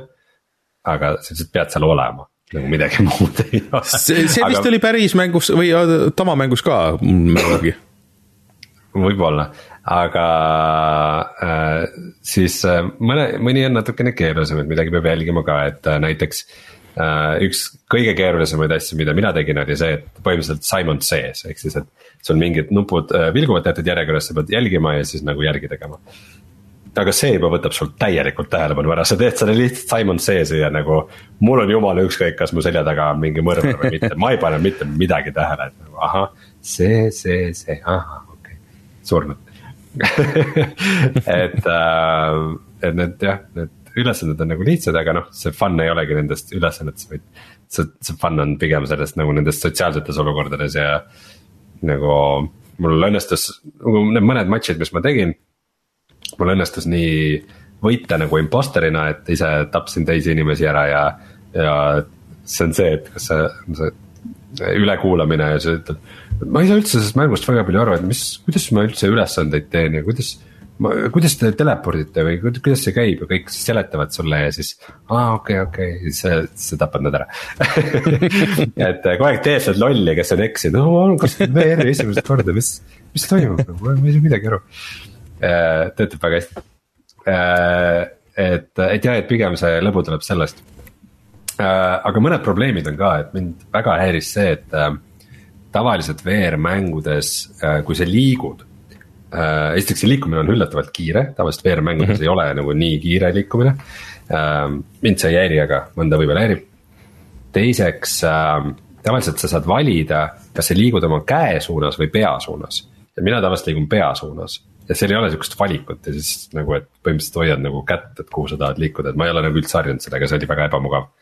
ja tundus, et vähemalt alguses oli neil serveri probleeme ka ikkagi päris korralikult, et äh, tihti mingid mängud ei laadinud ära või sattusin mingi üksi, üksi nagu lobisse, kus midagi, kedagi teist ei tulnud ja paistsin sealt tükk aega ja. et noh, et tehnilisi probleeme ikka, ikka nagu on, aga paar põhjust, miks ma seda väga palju ei mängi, esiteks ähm,. ma kuulsin seal väga vähe hääli, mis olid läbinud häälemurret äh, et siis põhimõtteliselt seda nagu mängisid peamiselt kisendavad lapsed äh, kes nagu olid väga nagu sõbralikud ja, ja toredad, aga nagu lihtsalt, ma ei tea, täiskasvanud mehena ei viitsi nagu nii palju mängida lastega koos, et ma võiks siis oma lastega mängida, et midagi. ja teine asi on siis see, et noh, ma ei ole kunagi Among Us'i nagu mänguna ka väga nagu tännanud või armastanud, et äh, ma saan aru, miks inimestele meeldib. ja miks see on huvitav, aga ma nagu proovisin mõned korrad ja ma ei tea, mis siin ikka. nüüd sa tead, mis mäng see on. Äkki, tuleb video ka. alguses kõlas nagu värske kuld, aga nüüd enam nagu ei kõla. jah, et minu poolt ta paraku jah, värskesse kulda ei lähe, aga noh, ma arvan, et see on lihtsalt see, selles mõttes, see, selles mõttes, et ta on ikkagi Among Us, lihtsalt ma ei ole nagu Among Us'i fänn hmm nojah, et ma arvan, et ei, samas teisest küljest ei maksaks alahinnata seda, et äh, Among Us VR-is, et see ei ole iseenesest selge, et see töötab, et, äh, et, et selles mõttes, et nad on isegi nagu hästi hakkama saanud. aga äh, Rein, kui sa nüüd siin oled, siis äh, hea, et sa oled, ma tahtsin korraks rääkida sinuga Vampire Survivorsist. No et, nii, ma just eile, eile korra mängisin seda ka, et selle aega ma ootasin, et Warzone läheb see nüüd jõudis Gamepassi nii Xboxil kui ka siis PC-l ja siis ma mõtlesin, et okei okay,, et ma, see on ikkagi kõige räägitum, äh, üks kõige räägitumatest mängudest sellel aastal. Äh, ja, ja siis äh, ma ei saa seda mitte proovida. ja ma tegin portsu raunde ja siis mul on arvamusi, et minu meelest selle mängu olemus nagu, et et seda on hästi raske videost kuidagi nagu aru saada, seda mängitavuse nagu fiili. ja ma pean ütlema, et ma olin väga positiivselt üllatunud, kui kui mõnus see on. Nagu mõnes mõttes, et ma arvan, et sellepärast inimest, inimestele see muidu meeldib ka, et Rein siin on mõned korrad nagu rääkinud, aga see on niisugune naljakas mäng, et mis näeb ähm, üsna niisugune kohutav välja mõnes mõttes, niisugune väga kaheksapiltine graafika, äh, aga selle twistiga, et sul on ekraani peal sadu erinevaid vastaseid ja sinu tegelane siis, äh, et sa ei, sa ei saa ise nagu kontrollida, millal sa neid tulistad või midagi, et see toimub automaatselt, sa saad lihtsalt uuendada oma tegelast ja oma relvi ja siis see juhtub kas tihemini või need relvad ja asjad on võimsamad ja nii edasi. et ähm, et mul kohe alguses seal kuskil õnnestus, ma võtsin selle esimese tegelase, et sul neid tegelasi, ma saan aru, sa saad päris palju lahti lukustada seal lõpuks. Ähm, ja mul kuidagi nagu läks hullult hästi, et ma sain selle äh, suhteliselt varakult selle küüslaugu. Äh, nice. küüslauk päästis mind. küüslauk on winner alguses. jah, et see annab sulle siukse jah, et annab sulle mingisuguse kilbi nagu ümber, mis samas ka vigastab vastaseid ja äh, eriti alguses siis need äh, sind ründavad peamiselt nahkhiired äh,, kes annavad kõik peaaegu ühe siukse selle leveli punkti ja sa leveldad nagu päris kiiresti. Äh, aga see kilp tapab nad hästi kiiresti ära, ehk siis sa lihtsalt seisad ja siis nad muudkui surevad ja siis ma leveldasin seda kilpi üles ja nii edasi, et, et ma pidasin päris kaua vastu, et selle, selle esimese run'iga vist sain juba üle selle kümne minuti või mis see esimene piir seal on. ja nii edasi, aga siis ma tegin nagu mitu raundi ja see kõik muidu, see mängitavuse osa on seal, aga siis ma põrkusin selle vastu, mis ma tean, et sulle, Rein, väga meeldib, aga mulle üldse ei meeldi, ehk siis, et see on see, see rogu-like induse osa nagu seal. et kuigi sa saad nagu mängust väljaspool, et, et, et sa saad siis põhimõtteliselt osta neid baastatse, mis lisaks siis su tegelase statsile siis mõjutavad, on ju, su seda noh, üldist nagu seda, et millega sa alustad. Aga nagu see, see päris algus nagu iga kord alustada sealt, see on nagu minu jaoks nii tüütu ja see on nagu mitme siukse rogu-like'i või siukse rogu-like'i struktuuriga mängu puhul on nagu selle selle mängu isu ära võtnud, sest ma ei viitsi seda alguse osa nagu jälle uuesti teha ja siis sa tead, et see kõik on nagu enam-vähem random ja võib-olla sa ei saa nagu mingeid asju, mida sa võiksid või tahaksid saada või mõnes heas run'is oli, nii et, et mingisuguse käputäie tegin neid ja ma sain aru, miks see on hea mäng. ma saan aru, miks see inimestele meeldib, ma saan eriti aru, miks see sulle meeldib, aga lihtsalt see, see alguse osa ja kõik see, see on nagu see natuke killer mu jaoks aga no,. ma arvan, et, äh, ma arvan, et see on ikkagi osa nagu sellest experience'ist, et põhjus, miks see pärast nagu tundub hea, on sellepärast, et see algus on igav, et nagu põhjus, miks tordi peal vahukoor maitseb, on ka see, et see kuradi, mul see svamm seal all on, on ju. nojah, aga võib-olla ma saaks ainult vahukoort süüa, kui mul vahukoore isu on nagu selles mõttes on ju, et äh, aga no,, aga. see vahukoore mõiste teema on väga keeruline, see on nii-öelda mul- mobiilimängud, mis üritavad sulle ainult vahukoorda anda ilma saiata. Et mul on, mul on hea meel, et ma selle ära proovisin ja kõigil, kellel on Gamepass, ma kindlasti soovitaks ka nagu seda proovida, et äh, see Xboxil äh, jooksis. see maksab viis eurot muidu. nojah, et, et, et see jooksis igatahes väga hästi ja, ja kõik nagu see, et, et nad vist isegi soovitavad kas arvuti peal ka ju puldiga mängida, et, et, et see konsoolil nagu selles mõttes sobib. Teistel konsoolidel seda minu meelest hetkel ei olegi üldse vist ju, et see on ainult PC-l ja Xboxil. jaa, minu äh, Playstationi peal ei ole jah. et, et see on cool asi ja kui sulle niisugune asi võiks nagu meeldida, siis, siis kindlasti jah, noh, kas siis viieka eest või siis Gamepassis, siis proovige järgi nagu, et, et see ei võta tükki küljest. hea, hea podcast'i mäng, et kui te praegu no Nojah. selle saate kuulamise ajal mängite Vampire Survivorit, siis pange, pange kuhugi äh, chati või kuhugi, seal oli, mis, mis äh, tegelane teil on, mis tegelane naljakas, naljakas situatsioon, kuidas äh, äh, mul Preili kõrvalt vaatas seda, lihtsalt korraks jäi nagu ekraani, vaatab, issand, nii vana. ei, see on täiesti uus mäng, et see on üks populaarsemaid mänge sellel aastal. aa, miks? ühesõnaga, minu, minu elukaaslase reaktsioon oli enam-vähem täpselt sama. et ühesõnaga, et äh, sellega, sellega peate leppima siis. aga rääkides vanadest mängudest, siis ma tahaks rääkida veel natuke ja millestki, mis on äh, väga hea. ehk siis äh, äh, reedel vist tuli välja selline kogumik nagu Atari viiskümmend, mis siis kogub kokku ähm, Atari kui äh, äh, mängufirma ajaloo. Ja ma pean ütlema, et mul ei ole üldiselt nagu Atariga mingisugust äh, väga suurt nostalgiat, et mul ei olnud ei seda kahte tuhandet kuutesada, sadat ja ma ei ole ka nagu pärast väga palju neid mänginud, neid mänge või noh, nagu selles suhtes, et äh, ma muidugi tean neid, ma olen kõiki neid proovinud, aga, aga sellegipoolest, et äh, noh, ma teadsin, et see on tulemas, ma ei pööranud sellele väga palju tähelepanu, kuni äh, ma sattusin kuskile, ma ei tea, kas kuskil podcast'is või kus see oli, et kus äh, siis äh, Digital Eclipse'i tüübid rääkisid, et kuidas nad lähenesid sellele kogumikule ja, ja nad tegid seda seekord täiesti teistmoodi. ehk siis, et minu meelest see nüüd on see, kuidas tulevikus võiks olla, see on nagu see kuldstandard, kuidas peaks tegema ühte niisugust retrokogumikku.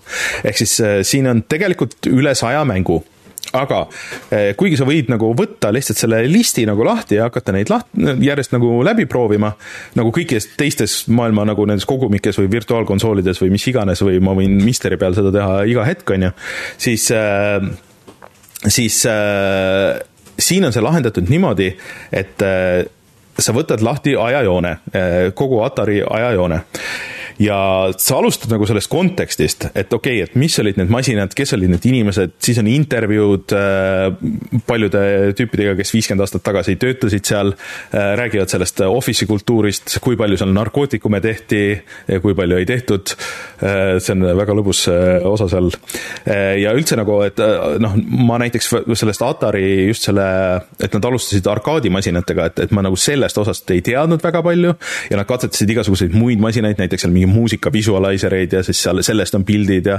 ja siis on skännid noh, ajakirjadest ja, ja flaieritest ja isegi osade tüüpide eh, visiitkaardid, et sa näed nagu, millised need olid.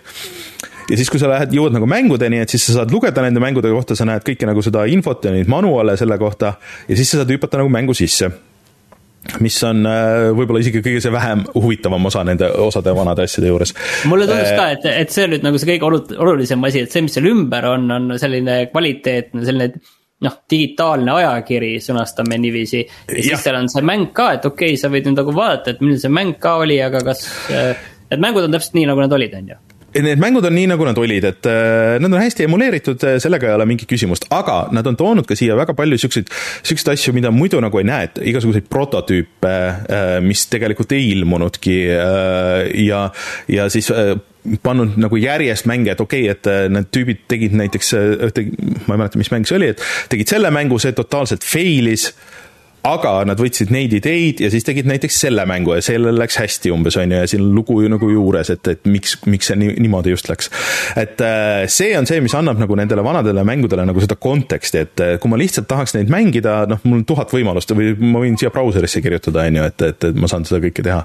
aga see on äh, järjestatud ja nagu pandud nagu kokku nii hästi, et, et see on tõesti tuus ja pluss on Atari Jaguari mängud, mis oli sihuke fake kuuekümne nelja bitti gigabitine konsool, mida ma väga-väga jah, tahtsin kunagi, aga aga kunagi ei õnnestunud saada, aga seda ei ole üldiselt väga emuleeritud ja neid mänge ei ole kuskile nagu eriti palju jõudnud, et et ma olen selle nüüd paar, paar tundi mänginud ja ma olen või noh läbinud, et ma olen meelega hoidnud ennast niimoodi, et ma ei, ei lähe seal mängulisti, et ma lihtsalt võtangi, hakkan nagu järjest käin ja vaatan seda ajalugu ja vaatan neid rahulikult neid, neid videosid ja asju ja see on väga äge kogemus olnud, et et pluss on siis osadest nendest vanadest mängudest on tehtud, äh, Digital Eclipse on teinud ka siuksed tänapäevased versioonid, et võtnud sellesama mängitavuse, aga noh, et pannud võib-olla siuksesse natuke tänapäevasemasse vormi, et sul on äh, full screen, rohkem värve, võib-olla mingid 3D efektid ja nii edasi või siis, või siis kombineerinud nagu nende mitme mängu nagu elemendid seal, äh, osad need vektormängud, mis olid ja nii edasi. et ma väga soovitaks proovida kõigil, kellel on huvi vanade mängude vastu, aga võib-olla ei olegi nagu nii suured Atari fännid, et see pakk vist maksab nelikümmend eurot, aga kui sa arvestad, et jah, et üle saja mängu on seal sees. kolmkümmend kolm eurot ma vaatasin, oli kolmkümmend, kolmkümmend neli äh, jah, et, et see erinevatel platvormidel oli erineva hinnaga, aga ma võtsin selle PC versiooni.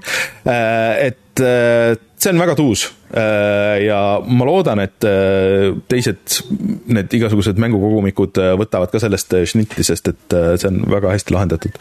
ja kindlasti tahaks ka üks hetk video teha ja, ja näidata neid asju, et ja mina paneks selle kindlasti ka nagu värskesse kulda, selle vana asja mina panin selle endal wishlist'i ka, sest see tundub selline täpselt, pigem isegi selline digitaalne ajakiri täpselt, et eh, kus sa saad tegelikult oma käega neid asju katsuda ka, et kui sa tahad tõesti ka mingit no, asja proovida on, ja siis saad aru. see on nagu, nagu muuseumis käiks nagu, et, et sa käiks seal mängumuuseumis, sa vaatad seda ringi, et, et noh et see mängu osa nagu nii-öelda tihtipeale eriti veel nagu nii vanade asjade, noh, mis on seitsmekümnendatest, need noh, Pong, originaal Pong on ju, äh, või kaheksakümnendate algusest, et noh, need mängud tänapäeval tunduvad ikka eriti nagu siuksed lihtsad ja lihtsakoelised, aga kui sealsamas kõrval tüübid räägivad, kui palju vaeva nad nägid ja mis nad pidid mõtlema üldse välja, et seda üleüldse teha ja kuidas nad testisid seda ja kõik ja siis, siis see annab selle konteksti, mis teeb selle oluliselt huvitavamaks kui see, et lihtsalt, et noh, et ma ei tea, mängi Pongi on ju, et see ei ole päris see. kõlab väga ägedalt kõik igal juhul. Sorry aga..., mul jäi, mul jäi see kuulmata, et äh, mis platvormil sa seda mängid ja mis kontrolleriga? hetkel mängin äh, PC peal äh, tavalise puldiga, aga see on väljas kõikidel platvormide peal, et sa saad Switch'il seda mängida, Xbox'il, Playstationil, igal pool on olemas. Steamis maksab kolmkümmend neli eurot. jah Äh, ma räägin siis äh, kiirelt natukene veel God of War Ragnaroki kohta. eelmine kord ma rääkisin, äh, kui sellest lühi, lühikokkuvõte teha, siis, siis see on väga hea ja poleeritud mäng, aga natuke, natuke laialivalguv, sest kõike on lihtsalt, lihtsalt on rohkem ja see tervik ei ole nii hea fookusega ja nii selline selge ja kompaktne, näiteks kui oli see kahe tuhande kaheksateistkümnenda aasta God of War'i reboot ja, ja nüüd, kui ma veel läbi mm. ei ole teinud, aga ma kujutan ette, et lõpp on kuskil paistab, siis, eh, siis mu arvamus on täpselt sama. see on ikkagi meeletult poleeritud mäng, tõesti, ma arvan, et selliseid asju nagu näeb, näeb nagu väga harva. aga seal on kõike lihtsalt liiga palju, neid kõiki uusi oskusi mm,, kuidas sa seda tegelast endal, Kratos näiteks, eh, saad täiendada. seal neid asju on nii palju, et mul konkreetselt kuskil jääb järg puudu, millisele relvale, kuhu, mis täiendusi või loitse ma saan juurde lisada. et nagu reaalselt seal on neid asju. võib-olla see käib mul nagu lihtsalt, mul on natuke tunne, et see käib mul üle võimete, teistpidi ta on väga nagu mainstream mäng, et ta igalt poolt nagu natuke on sellist vägivalda tagasi tõmmanud, ta ei ole nagu nii absurdne, siis vahepeal ta tuletab meelde, et jah, et okei okay,, ta on ikkagi väga karm mäng. mõne, mõne eriti jõhkra bossi tapmisega et siis nagu tuletab seda meelde, aga, aga üldiselt jah, et äh, hästi nagu, hästi nagu keerulisi tundeid tekitab ta ikkagi siiani. et tõesti, väga äge, et üldse sellist üksikmängu tehakse, super. aga, aga kõike on nagu liiga palju ja mul on tunne, et see tervik läheb ikkagi seal kaduma, et okei okay,, järg, järgmine kord ma ütlen nagu, et mis ma nagu. nagu täiesti lõppsõnana selle asja kohta arvan. aa, üks asi muidugi küll. Mis on suurepärane, on see, et äh, God of War'i kõrvalmissioonid on ilmselt uus kullastandard. et see hmm. ikkagi, et äh, kõrvalmissioon, sa hea meelega teed neid, sind huvitavad need, sa tahad näha, mis seal juhtub. seal on lugu, need kõrvalmissioonid ei toimu enamasti üldse samas alas, kus need põhimissioonid toimuvad, kõrvalmissioonid on täiesti uutes alades, uutes keskkondades. et see on nagu täiesti, noh, täiesti mingi nagu teine tase. Aga see oli minu meelest eelmises ka. oli, oli, sest seal olid erinevad maailmad olid ja, ja mõnda maailma on ju, sul ei olnudki põhiloos kohustus minna, on ju, see oli eelmises ka, aga see on siin, siin ka tegelikult olemas ja see on tõesti see on nagu väga-väga äge, eraldi lugu, põhjalik kõik, see ei ole mingi väike mingi fetch quest või mingi väike mõttetu kõrvalasi, et lihtsalt seda mängu pikemaks teha. Ei, et see on nagu täiesti läbimõeldud nagu, et hmm. täiesti eraldi asi sinna juurde tehtud, et seda maailma ja lugu nagu laiemaks tõmmata. see oli asi, mis mulle no. näiteks Witcher kolmes ka meeldis äh, ja, ja selles suhtes, et äh, väga vähesed mängud suudavad seda, seda teha ja see on ikkagi. Witcher, Witcher kolmes oli muidugi vahelduvam see kvaliteet, oli no. oli jah. häid ja mõni oli. jah, jah. aga no olgem ausad, God of War'i see, see rogu-like äh, mängulaad, kus oli ainult kaks voice line'i nagu mõlemal, et äh, see ei olnud nagu nii poleeritud, kuigi ma tegin ta ikkagi läbi et ilmselt äh, Ragnarokil nagu selliseid äh, vähem poleeritud kohti nagu ei olegi siis. jah jah aga see on võib-olla nagu liiga poleeritud siis? Et kas selle mängu probleem on see, et ta on võib-olla nagu liiga hea? ei, ei, ta ei ole liiga poleeritud, see ei ole probleem, probleem on ikkagi minu meelest see, et neid asju ja kõike on nagu liiga palju, et ongi, et mm. rohkem relvi, rohkem asju, kõike, rohkem tegelasi, kõike, kõike, igale poole, sa paned seda mahtu juurde, on ju. lihtsalt mul on tunne, et see, see fookus ja tervik nagu natukene kannatab selle all, kui see asi oleks äh, konkreetsem ja fookuses rohkem, aga ma ütlen teistpidi, ma olen nõus, et see on selle aasta üks parimaid mänge, ma olen selle poolest olen nagu sellega nõus. ja, ja ma ütlengi, et natukene veel selle lõpliku arvamuseni ma ootaks, kuni mul ilmselt siin järgmise nädala alguses on see läbi hmm.. aga kui sa esimest korda rääkisid äh, God of War Ragnarokis, siis, äh, siis sul oli nagu see mure, et, et kus see twist jääb, et ta on nagu liiga sarnane. et kas siis see twist tuli või ei tulnud? Twiste on ja twiste on, twiste on rohkem kui üks ja no ma ei hakkaks seda, ei hakkaks nagu arutama. ja ka võib-olla üks asi, mida ma nagu tooksin välja, on see, et, et kus ta alguses ka nagu mängitavuses on noh, peaaegu üks-ühele sarnane kaks tuhat kaheksateist äh, mänguga, siis see areneb. Niiviisi, see areneb nagu iga tunniga tuleb mingi uus väike kihike peale, iga, noh võib-olla iga tunni-kahega tuleb midagi kogu aeg juurde, et selles mõttes see võitlus, see pool, kõik on sellises täiesti lineaarses arengus niiviisi ülesse, et see kogu aeg muutub, ma sõnastaks kogu selle asja niiviisi. et okay., et kui ta alguses on äh,, alguses on jah sama, siis ta lõpuks on äh, või noh no., lõpuks, päris lõpuks ma ei tea, aga ta on väga palju teistsuguseid. aga Martin, mis, ütle nüüd mulle, et äh, kas ma peaksin ostma selle Playstation nelja versiooni ja mängima seda Playstation neli Pro peal äh, või jääda siis ootama selle hetkeni, kui mul on kas Playstation viis või, või et see jõuab lõpuks PC-le?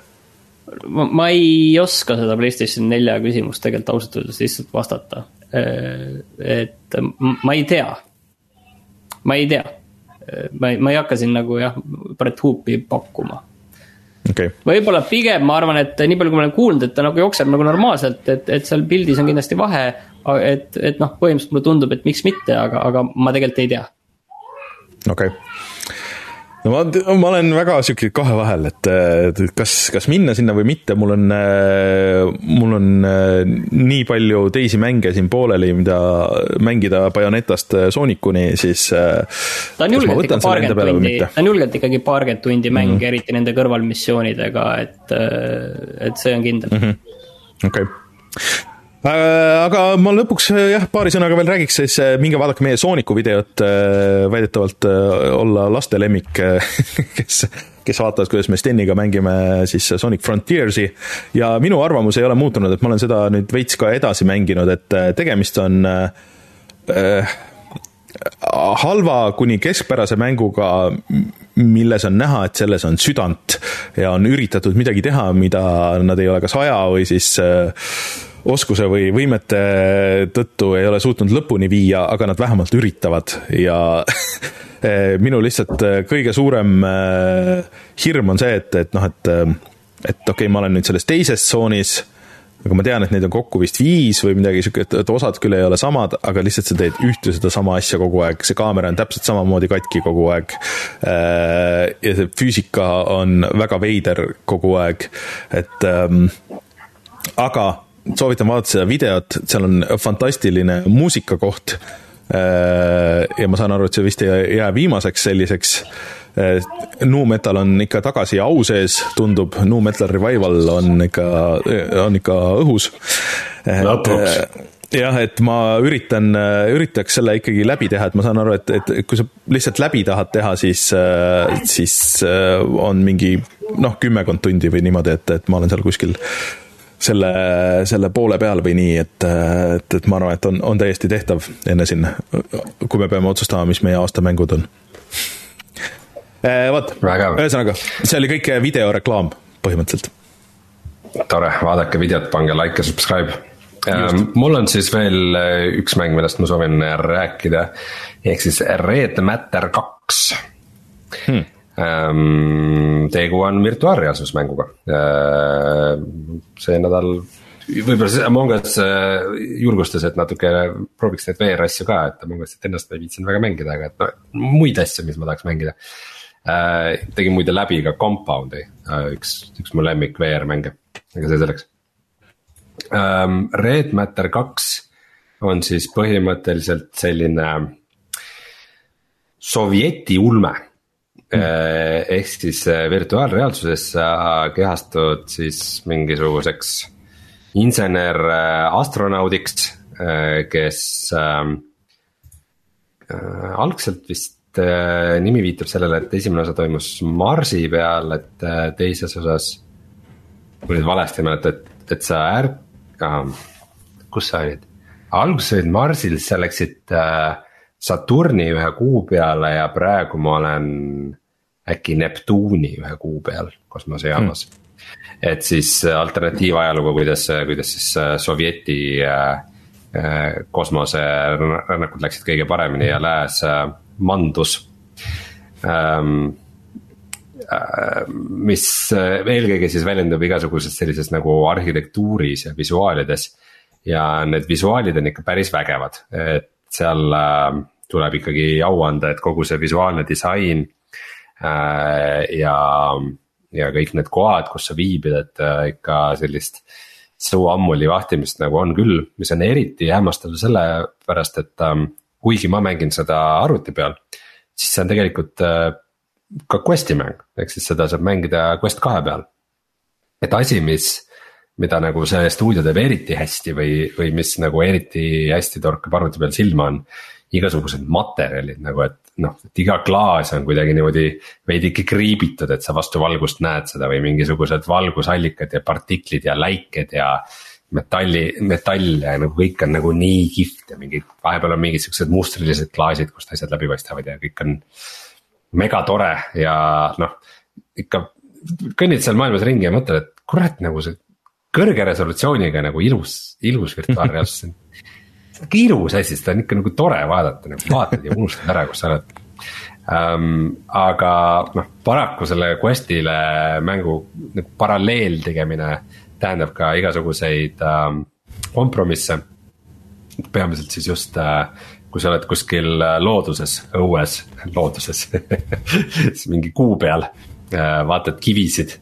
et siis tavaliselt need alad ei ole nagu väga suured ka nagu väga imposantsed, et on siuksed noh, proovitud niisuguste kitsaste ruumidega nagu hakkama saada, aga mis siukses kosmosevõtmes õuealadel nagu väga, väga hästi ei toimi.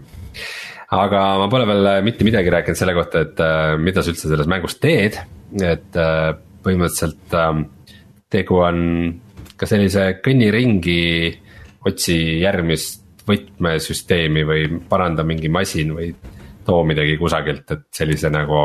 ja siis vahepeal kuuled nagu voice over'it, et seda tüüpi mänguga. et äh, hoolimata sellest, et see füüsikasüsteem on päris hea, asjad on nagu, asjadega interakteerumine on, on mõnus. siis noh, ta ei ole nagu väga exciting, et ähm, alguses ikka tõsiselt mõtlesin, et kas ma viitsin seda mängida VR-is või mitte, et kui mingisuguses kosmosekapslis sa sõidad ja lihtsalt kuulad sihukest poolamatöörlikku dialoogi ja mitte liiga huvitavat story't, et kuidas ta mingit surnud sõpra otsib mööda kosmost taga, et ähm, see. aga ikkagi ma olen seda päris mitu õhtut mänginud ja paljud, paljud VR mängud, ma mõtlen, et noh, see on äge mäng, aga ma lihtsalt ei viitsi seda praegu mängida. siis äh, Red Matter kahte ma ikkagi olen äh, jäänud mängima ja on seda mänginud, äh, ma pakun kuskil seitse tundi praegu ja jõudsin just nii kaugele, ma sain relva, et mul on nagu päriselt äh, tekkis pultide otsaga üks äh, püstol, millega lasta siis julgeolekudroone, mis mind aeg-ajalt ründavad. muide, ma pean rääkima natuke sellest interaktsiooni mehaanikast, ma kuulen, Rainer, et sul on küsimus, aga ma enne räägin sellest, et ähm,. videos on ka natukene näha, et neil on hästi huvitav lähenemine sellele. nimelt ähm, kui sa mängid virtuaalreaalsuses, sa hoiad nagu virtuaalreaalsuse pilte käes, eks, kummagi käe jaoks üks. ja mida sa näed äh, VR-is, on needsamad puldid. ja sul nagu samuti VR-is, need ei kehasta su käteks, vaid sa näed seda, et sul on käes needsamad puldid. ja sinu näpud on täpselt nende nuppude peal, kus nad päriselt on. ja millega sa interakteerud, on see, et sul on niuksed väiksed nagu, nagu mm, mehaanilise ämbliku jalakesed kumbagi puldi küljes. no käpad põhimõtteliselt. niisugused käpakesed ja siis sa äh, kontrollid nupuga neid. ja siis sa nagu justkui su astronaudist tegelane ka siis nagu nende käpakestega võtab asju. ja manipuleerib niimoodi, et see on nagu väga sihuke nutikas viis, kuidas selline tekitada nagu täielik immersion mängija jaoks, et äh, et ma hoiangi ju sedasama asja päriselt ka käes, mida ma hoian siin mängus sees, et kuidas see on võimalik. et kas need, kas need asjad sealt tulevad päriselt ka välja, ma ei tea äh, aga mängu edenedes sa siis ähm, äh, saad nendele käpakestele ka igasuguseid funktsioone juurde, et äh, taskulambiks või flare'iks saad muuta neid või ähm, või siis skännid nendega asju või kuna kõik on mingis pseudo-vene keeles. Äh, siis äh, sa tõlgid ka siis nende skänneri abil mingisuguseid tekstikaarte, mida sa leiad ja nii edasi vot seda ma tahtsingi öelda, et see asi, mis mind siin noh, me videoversioonis, kes vaatavad, siis näevad taustaks, et äh, siin käib üks video sellest. et äh, mis mind nagu kohe hakkas silma ja riivas veits silma, on see, et, et siin on, siin on võlts kirillitsa igal pool, äh, kus on tegelikult on inglisekeelne tekst, aga siis on nagu mingid kirillitsa moodi tähed on sinna väänatud, et see on see, küll sihuke. seal on isegi kirillitsa numbrid. okei okay,, et see on nagu sihuke oh, nagu natuke kriibib, kui, kui sihukest asja näed. Jah, noh, eks see ajastusega neil nagu yeah. super ei vedanud sellega, et sihukest äh, nõukateemat äh, teha, aga. aga noh, iseenesest visuaalselt see disain ja kõik on nagu on, on väga äge, et kui mina vene keelt ei oska, siis minu jaoks see võlts kirillitsa nagu. ma saan aru, et seal on midagi valesti, aga noh, mind nagu super midagi ei, ei äh, sega seal. aga kas tahad värskesse huulde ka panna? Või teed enne no paneme, no paneme no paneme. vot, aga kas sellega on meil äh, tänaseks äh, mängud mängitud ka või? jah. jah. selge äh,, siis äh, ma tulen, vajutan kohe nuppu ja tuleme tagasi ja vaatame, mis on internetis odav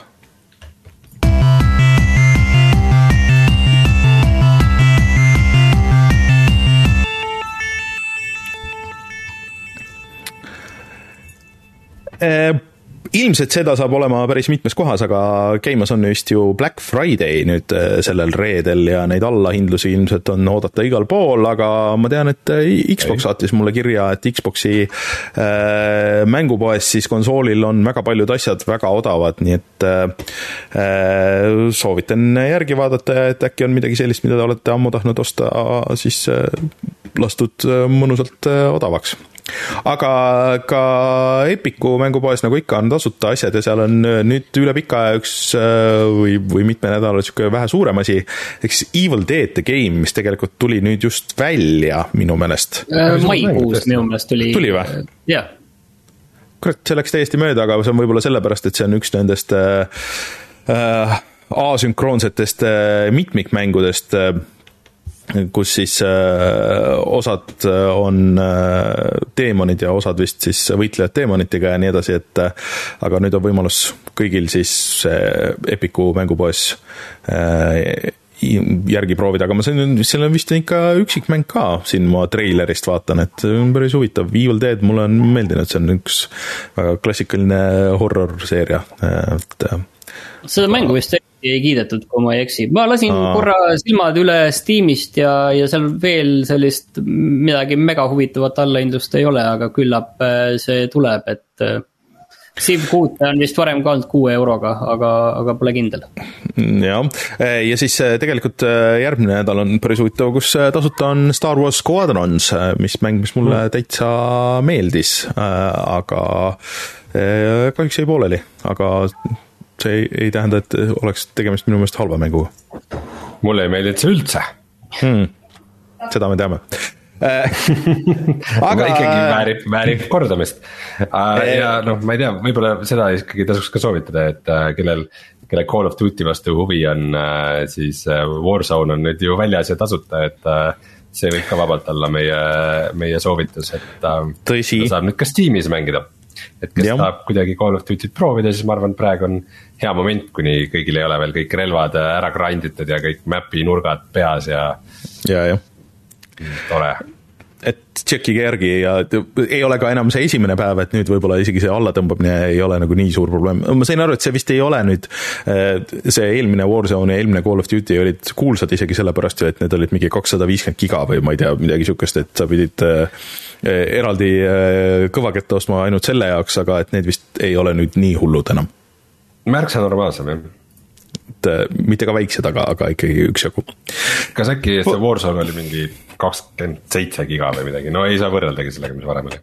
okei okay ühesõnaga, tšekkige järgi äh,. aga sellega kutsume ka saate saateks äh,. loodetavasti siis järgmisel nädalal ka uus mänguvideo äh, ja siis äh, veel ei täpselt ei tea millest, aga äh, ikkagi tahaks pigistada Martinist selle, selle God of War'i välja äh, kui, kui sa, Martin ei saa, siis ma, siis teeme sellest Playstation nelja versioonist, ei ole midagi äh,.